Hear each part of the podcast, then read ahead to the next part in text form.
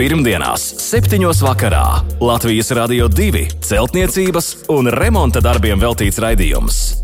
No pamatiem līdz jumtam. Ar padomiem un atbildēm uz klausītāju jautājumiem Latvijas Rādio 2 studijā - tehnisko zinātņu doktors, būveksperts Juris Biršs. Sveicināti, kā šajā laikā pie jums dodas raidījums no pamatiem līdz jumtam. Studijā Inese un nākamo pusstundu runāsim par būvdarbiem, celtniecību un remontdarbiem. Uz jūsu jautājumiem atbildēs un vērtīgus padomus sniegs būveksperts, tehnisko zinātņu doktors Juris Biršs. Labvakar, Birškungs! Labvakar! Sāksim darbu ar Rimanta vēstuli.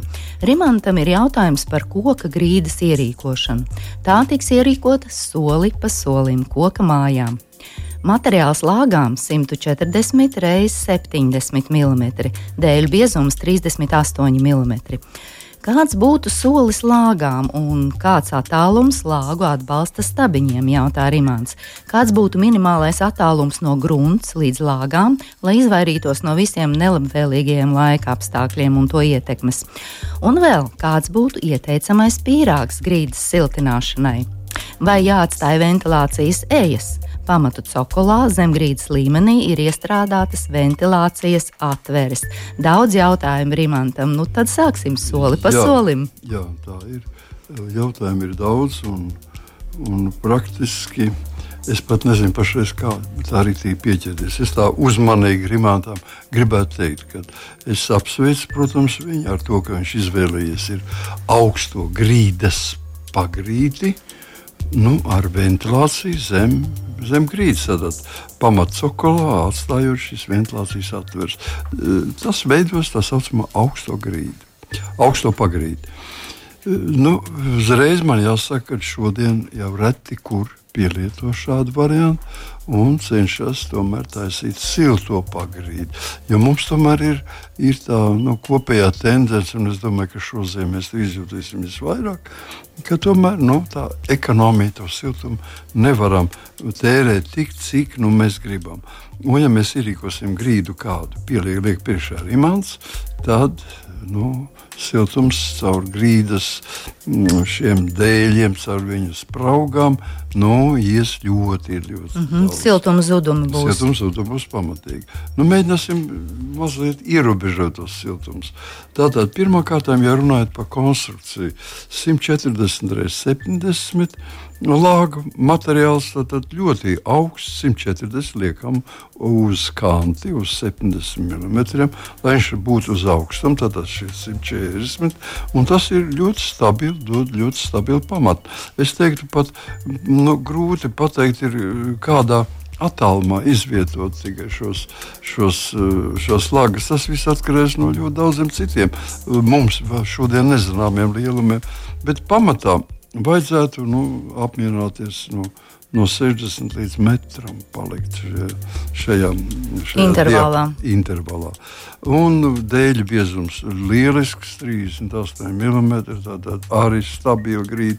Viss būtu labi, bet būs augsta grīda. Tātad zem dēļiem parādīsies gaiss, kas iet iekšā pie pamatcokolā iestrādātām ventilācijas atverēm. Vienā pusē pa otrām iet laukā, tad caurvērš apakšā, kas izsūks ārā ļoti lielu daudzumu no šī siltuma. Tāpēc, ko mēs darām, mēs zem visus šos 140 mm, kas mums ir tāds lāga pacelt uz augšu, mēs apakšā noslēdzam ar kādu elpojošu materiālu, teiksim, ar, ar kartonu vai mīkstumu kokšķieru plāksni.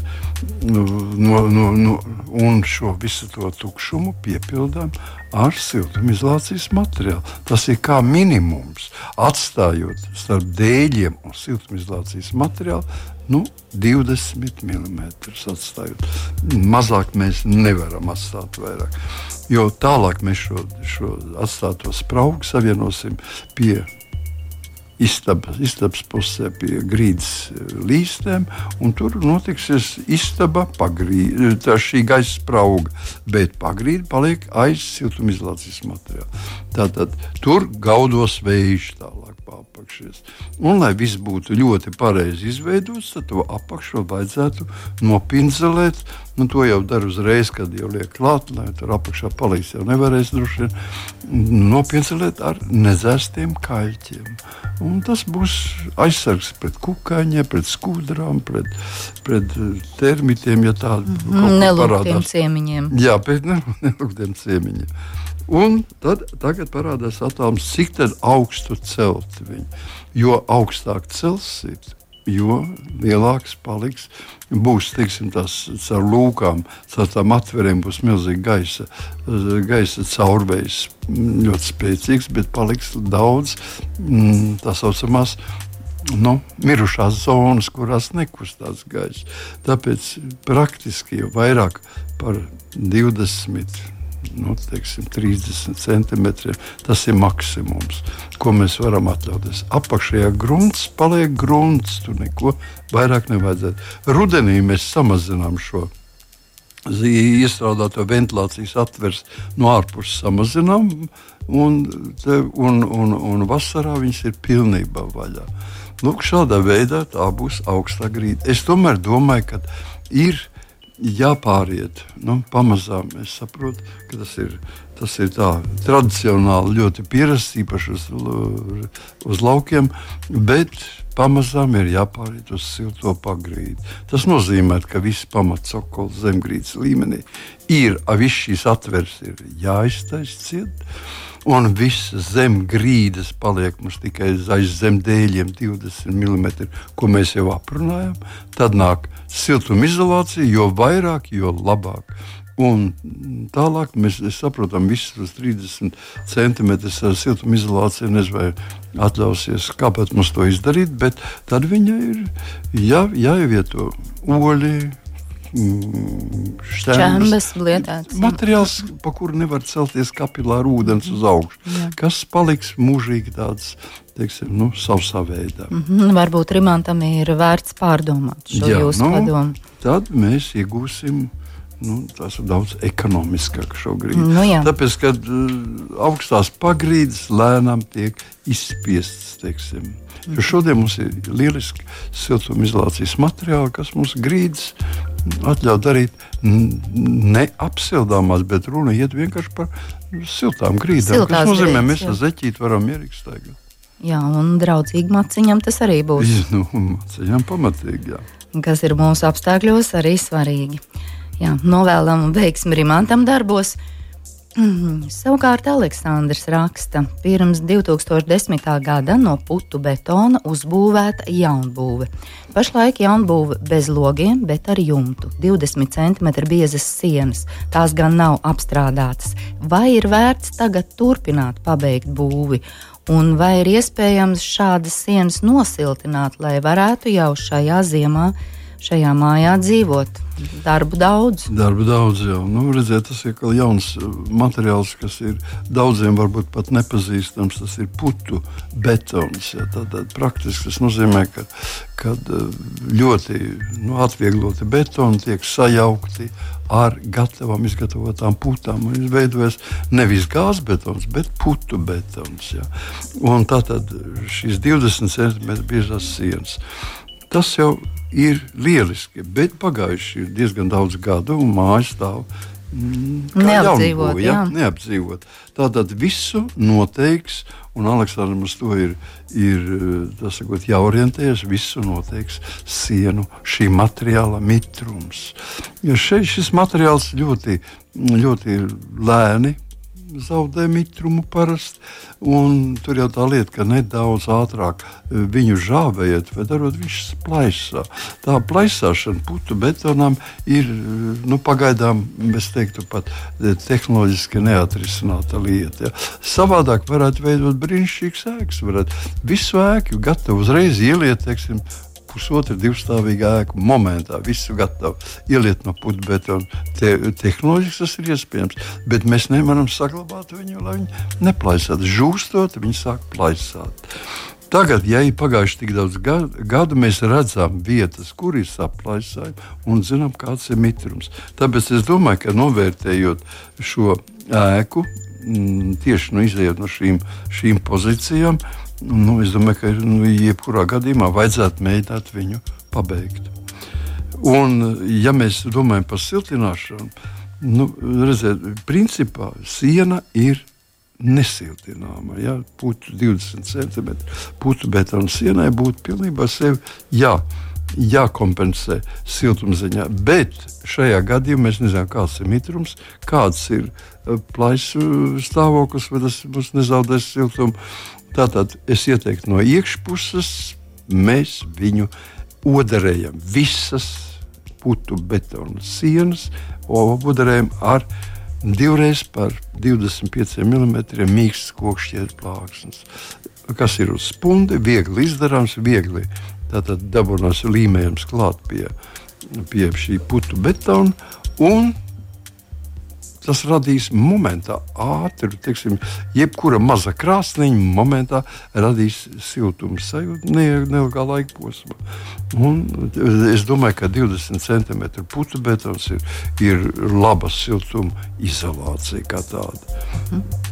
Tā kā es domāju, ja pacenšas, un to varētu izbeigt tikai tas, ja ir veidojušās bīstamas plaisas. Tas ir jānovērtē speciālistam. Mm -hmm, jā.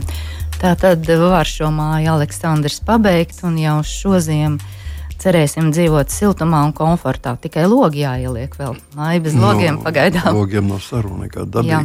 Bez logiem mēs nevaram. Nu, nekā. Es saprotu, logi neliek tev, tie tāpēc, lai viņi žūtu, ja, lai viņas pamazām ventilētos. Jā. Nu, ir tā cerība, ka būs pietiekoši izžuvis un ka varēs to izdarīt. Jā, paldies par atbildi Aleksandram. Elmārs būvē māju un ieplānots veidot dabīgo ventilāciju. Gaisa ieplūda caur vārstiem dzīvojamo telpu logos, bet izplūda vannas istabā, virtuvē un papildus izvads kamīnu tuvumā. Un jautājums ir par gaisa izvadīšanu no telpām. Kādu materiālu un aptuveno diametru izvēlēties izplūdes kanāliem? Iespējamie varianti - keramzīta ventilācijas bloki, skārda vai plastmasas caurules. Un vēl, ja izvēlēts izmantot atsevišķas caurules, tad kāds būtu optimālākais izvadīšanas veids caur siltinātu metāla jumtu segunu? Un iespējamos variantus Elmārs ir ieskicējis arī atsevišķi nopērkam ventilācijas izvadi vai visas caurules maksimāli satuvinot kopā bēniņos un izvest cauri jumtu vienā vietā, nu tā nostiprinot un izveidojot skurstenim tādu līdzīgu formu. Nu, lūk, šādi, Jā, šādi nu, jautājumi par ventilāciju. Es pat, es pat teiktu, ka šeit būtu jautājums arī ventilācijas speciālistam. Nu, diezgan smags jautājums. Jo, redziet, ventilācija ir tāda subjektīva lieta un ļoti grūti nosakām. Katrā mājā nevar pieiet tipveidā. Ja šeit ir jāpieiet un jāskatās to sevišķi, ja mēs runājam par izvadu. Ja. Mhm. Es priecājos, ka Elmārs ir sapratis, ka logos izvieto, ievietots teiksim, šīs ventilācijas restītes ir ļoti labas. Savā ziņā es pat reiz teiktu, ka tas arī ne tikai gaisa ieplūdē, tas ir arī gaisa izplūdē. Ja? Jo viņam mēs vietojam, ievietojam logos augšējā daļā, kur sakrājas mitrākais un siltākais gaiss, un apmainot šo gaisu, nu, tā tad zināma daļa mm -hmm. gaisa iziet. Tā kā arī tas ir jāņem vērā. Bet, protams, ja mēs izvadām no no vannas istabas, virtuves un, un citiem mitrumu mitrum, mitrum vietām, kur mēs atrodam šo mitrumu, mēs izvedam viņu ārpusē, tad jā, es pilnīgi piekrītu. Vai nu mēs viņus mm, cenšamies izvadīt caur cuku, tātad speciālu eju kas ir veidot dūmenī, speciāli eju. Vai mēs speciāli radām šādai, vai mēs atstājam zināmu cuku daudzumu šādām mm, teiksim, izvadīšanas iespējām. Un tad mēs varam no katra kaut no katras istabas vai no katras šīs nosauktās no speciālās istabas, virtuves vai vannas istabas izvadīt izvadīt viņu. Vēl ir jautājums to, vai viņus apvienot. Nu, Es teiktu, ka nedrīkst, jebkurā gadījumā nedrīkst bērnījos palaist viņus vaļā. Vienkārši. Protams, tad mēs viņus varam arī apvienot un, un, un, un izvadīt. Es saprotu, ka daudz caurums taisīt jumtā nu, galīgi nav prāta darbs. Bet tad būt, tāpēc jau mēs iesakām izmantot maksimāli dūmeņu cukas izmantot. Jo šeit var, viņš tiek apvienots. Viņš tiek apvienots un mhm. visu laiku atrodas zināma zinām, mm, vilkme.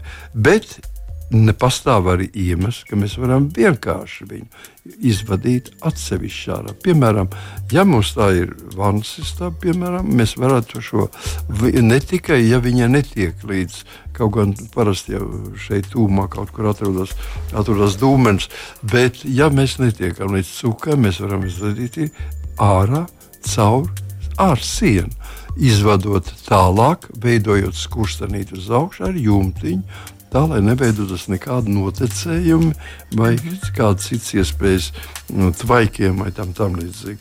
Tā kā nu, es teiktu, ka eh, ļoti daudz no tā, ko prasa Elmars, ir eh, tipveidā atrisinājumi, un viņi nu, pateikt, kurš ir labāks, vai keramzīta ventilācijas bloks, vai skāda, vai plasmas caurums. Nu, jā, tā vienkārši nevar. Vienkārši ne, tas ir jāskatās uz vietas.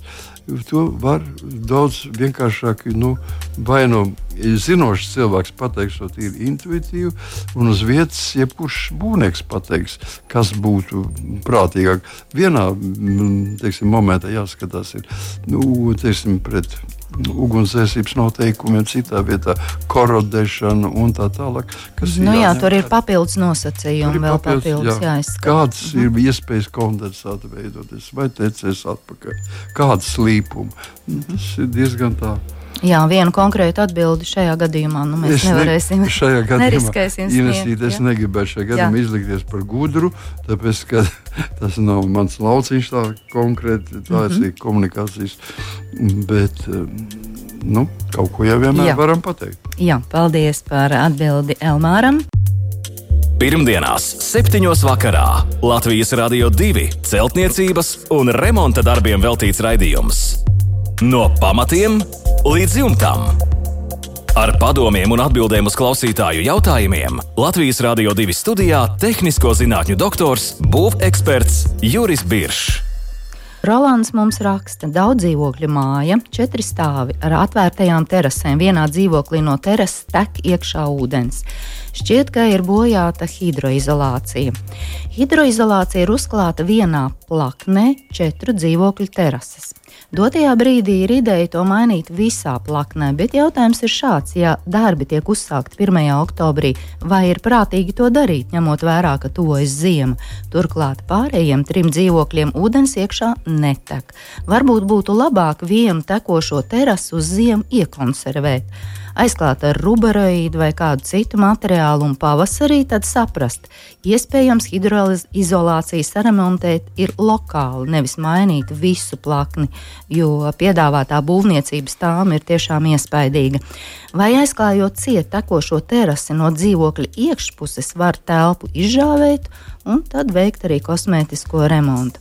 Nu, kādu padomu jūs Rolandam sniegtu, Biržkungs? Jā, nu, smags gadījums, godīgi sakot, diezgan tāpēc, ka darbu daudz un Rolands pagaidām pat neapjauš, cik daudz darbi. Diemžēl tā ir. Un būvniecības stāvi ir liela, un es domāju, ka viņi būs vēl lielāki. Vienīgais, par ko jā, jāsaka, tātad, tas tas aizdoms, ka bojāta hidroizolācija ir pareiza, bet viņa nav bojāta, viņa tiek bojāta. Jo nepareizi izveidot ir noteikti terases mm, konstrukcija, terases pīrāgs ir nepareizi izveidots. Ja, es varētu teikt, lai pārliecinātu Rolandu, ka terases pīrāgs nav pareizs, viņam jāpaskatās tikai uz teiksim, pie ēkas, kur terases sākās, vai tur ir gaisa izvads, vai, vai ieja, kur gaisa varētu paiet apakšā zem zem terases grīdas. Un pie parapeta jāskatās, vai tur atkal ir vaļā. Ja tur ir visur vaļā, nu, tad, es, eh, tad es teiktu, ka jā, ir kaut kādā gadījumā Rolandam varētu būt zināma pat, patiesība. Es baidos, ka būs cieta un nebūs nekāda gaisa ievada ne pie parapeta, ne pie sienas. Un tātad viss iespējamais ir meklējams pašā terases pīrāgā. Pašā terases pīrāgā, lai dzīvoklis, kas atrodas apakšā ar siltu gaisu, nenosaltu, neizsaltu virs terases. Tātad nu, terases pīrāgā ir siltumizolācijas materiāls. Tur ir betons, ar ko mēs visu, panesām, ka mēs uztaigājam pa to terasu un nespēju. Bet virs viņa atrodas siltumizolācija. Šajā siltumizolācijā uh, temperatūras starpības dēļ istabā plus 20, ārā mīnus 20, vai teiksim, tur mazāk kāds vienā, bet jebkurā gadījumā ja veidosies ūdens, tas ir rases punkts, veidosies, veidosies kondensāta ūdens. Kur viņš var veidoties? Tikai tur, kur ir vieta. Kur ir vieta? Vieta ir siltumizolācija. Siltumizolācija 80% tukša. Pārējais ir tikai pildījums. Tātad šeit veidosies šis ūdens katru dienu uz vienu kvadrātmetru Latvijas apstākļos apmēram 1 grams. Tātad gada laikā uz vienu kvadrātmetru 300 gramu apmēram. Nu, daži kaut kas iztvaikos 300 gramu. Pēc vajag pareiķināt, cik ilgi šīs terases ir. Vairāki gadi. Pareizi zinām, tas ir kāds ir rodās ūdens daudzums uz vienu kvadrātmetru ar milzīgu spiedienu. Ko viņš dara? Viņš saplēš hidroizu. Hidroizolācija. Ja uz terasēm ir, ir flīzes, viņš arī paceļ flīzes. Tad var iznākt tā, ka šodien arī lietus vēl līst iekšā. Jā, tad ir visi faktori, gan kondensāts, gan lietus. Tāpēc ideja mainīt visu, visu plakni, visām četriem dzīvokļiem teras ir pareiza ideja. Bet 1. oktobrī, nu, ja tiek mm, uzsākt darbi, druskuļi par vēlu. Ja? Tā kā, jo redziet, kas paliek šeit, nepietiek ar to, ka mēs atseksim vaļā, uzliksim jaunu hidroizolāciju. Tad viss tas atkārtosies. Pēc dažiem gadiem mums atkal būs tās pašas nepatikšanas. Tāpēc jums ir jāizveido, jāizveido nu, ventilējoša terases pīrāgs, ventilējoša, kur var gaisa ņem, staigā virs siltumizolācijas un ventilē šo siltumizolāciju. Šādu konstrukciju par rādio mēs tagad nesasniegsim stāstīt, bet viņa ir zināma šodienas projektantiem, jo nu jau ir pagājuši jau 20 gadi, kopš mēs esam iemācījušies veidot terases, bet šī terasa vēl no veciem laikiem paliek nu, no, no 2000, 2008, 2007 gads, kad ļoti spēcīgi taisīja šīs terases. Nu, kā, es domāju, ka ir jāpār, ir, ir tiešām jāpiesaista kvalificēts būvniecības, kas zina, kā risināt terase, ja terasē kondensējas ūdens. Ja viņš to nezina, tad tas ir jāmeklē speciālists, kas var to lietu mhm. pateikt. Un, kas attiecās uz, uz lokālo. Šeit, nekas, šeit ne, mēs nezinām, kurā vietā ir pārplēsts. Mēs varētu viņu salabot. Viņš atkal plēsīs citā vietā. Mm -hmm. Šeit ir pilnībā jāmaina šis pīrāgs. Un, teiksim, caur tekošo terasu no dzīvokļa iekšpuses nav nekādas iespējas. Kāpēc tek? Jautājumu noteikti uzstādīs Ronas. Kāpēc tek vienā tikai?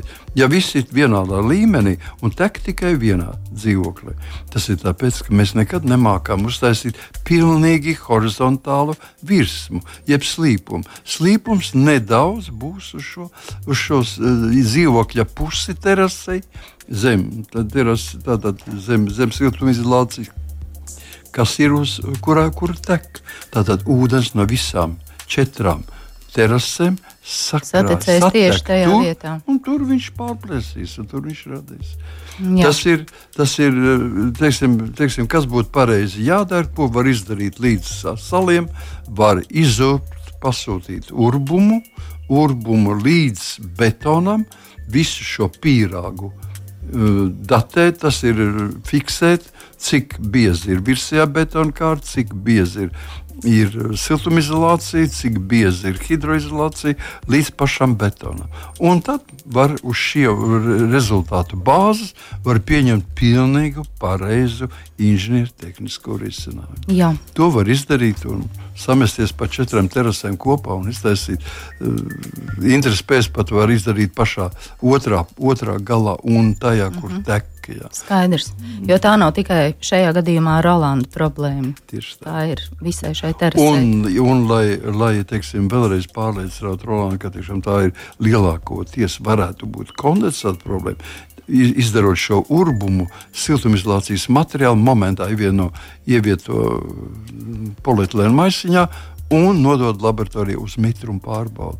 Un tad redzēsim, kāds ir šis mitrums. Mm -hmm. Jā, paldies par atbildi. No pamatiem līdz jumtam. Nākamā ir ginta vēstule. Vai var nelikt antikondensāta plēvi vienstāvu privātmājai ar divslīpu metāla jumta segumu, 20 grādus slīpums un augstajiem bēriņiem?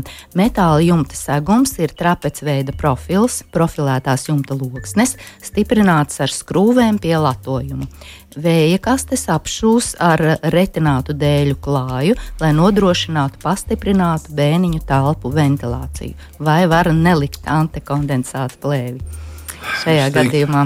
Es teiktu, ka izdarīt var visu, ja, kā mēs gribam. Tur nu, neko es pat ne, nekāds speciālists nevarēs teikt. Ja es cilvēks negribu likt, es nelieku viņu. Tā tad mums tik jāsaprot, Bet kā vajadzētu? Vajadzētu, kāpēc mums tur jāliek antikonsā plēve tikai viena iemesla pēc, lai uztvertu, jo tas ir e, jumta segums. Ir metāla profils uz skrūvēm. Tātad starp šīm metāla loksnēm, gribam to vai negribam, noteikti iekļūst pulvera veids sniegs. Tas ir jāsamierinās. Ja jums nav nekas pretī, kad sniegs birst iekšā teiksim, zināmos laika momentos, zināmos brīžos un kūst pēc tam uz jūsu bērniņa pārseguma, un jūs no tā nebaidāties, tad lūdzu, nāciet darīt. Galvenais, citu, jā, bieži kungs, mēs šo visu izrunājām jau pagājušā 12. septembra no, sīk un smalki. To vēl var paklausīties es saprotu, vēlreiz. Es saprotu, un tikai vienīgais pateikt, ka galvenais noteikums, lai vispār rastos kaut kāda ventilācija, ir jātaisa kora vaļā. Jāuzliek uz koras, ir speciālais kurs elements. Tad varētu arī nelikt, būs milzīga gaisa plūsma, gribīs sniegs, bet nu, ko tur var darīt? Cilvēks tā grib. Jā, paldies par atbildi Gintam un lūdzu noklausieties pagājušo raidījumu mūsu arhīvā vai arī populārākajās podkāstu straumēšanas vietnēs. Nākamā ir Intara vēstule stāvbūve apmorēta ar silikāta ķieģeli. Bet ar 6 cm gaisa spraugu. Ja gaisa sprauga aizpilda ar termoputām vai nākotnē termoputu iestrāde neradīs problēmas, varbūt varat aprakstīt arī kādu piemēru no dzīves, kā māja uzvedas. Jo darba veicēji tikai liela visus materiālus un nevar in interesi izšķirties, ko lietot. Kādu materiālu un kāpēc jūs ieteiktu izmantot bieži kungs šajā Jā, gadījumā? 6 cm liela sprauga. Šajā gadījumā diezgan, diezgan nu, normāla vidēja lieluma sprauga. Ir un tiešām ir svarīgi viņu arī pievi, piepildīt. Obligāti viņi jāpiepild ar siltumizolācijas materiālu. Diemžēl Inters ir izvēlējies vai no, nolūkojis vienu no vissliktākajiem materiāliem. Tie ir termoputas. Tātad, godīgi sakot, tās ir putekļi poliuretāns, poliuretāns tātad, kas uh, uzputojas, ja, un divu, divu komponentu. Un tas ir sen jau no padomu laikiem zināms materiāls, tur, uh, kas sauciet viņu par termoputām vai kādā veidā. Tas nekas moderns nav. Galvenais, kādi, kādi ir teiksim, mani mm, mm argumenti nelietot šo jautājumu. Pirmkārt, tas ir uguns nedrošība, mēs palielinām mājai risku uz uguns nedrošību. Un es teiktu, ka no pieredzes es varētu teikt, ka daudzas mājas varētu to ap, apstiprināt, bet viņas jau ir nodegušas. Ja tur, kur ir iepildīts iekšā šis, šis materiāls, viņš deg ļoti ātri. Kūst, tas ir vienalga, vai viņš kūst vai deg.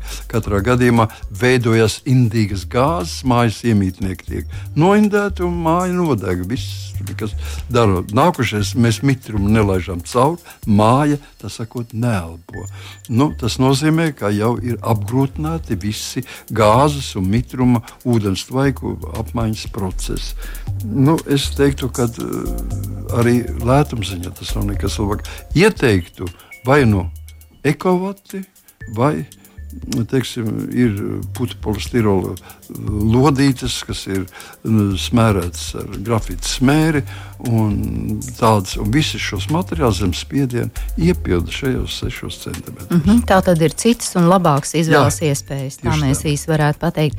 Paldies par atbildi Interam. Mārim ir jautājums par privātmājas betonu lentveida pamatu nepieciešamo dziļumu.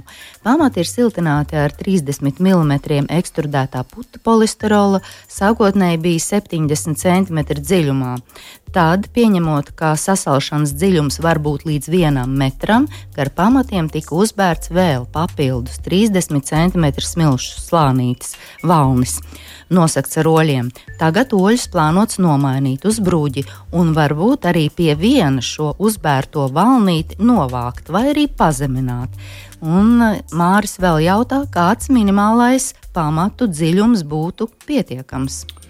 Jā, nu, ļoti liels aizdoms, ka Mārim ir ļoti tādi savdabīgi, bet ne sevišķi pareizi priekšstati par to, kas ir uh, pamati. Ja? pamati nu, šai gadi nevar ēkai bērt klāt grunti un pamati no tā it kā paliek dziļāki.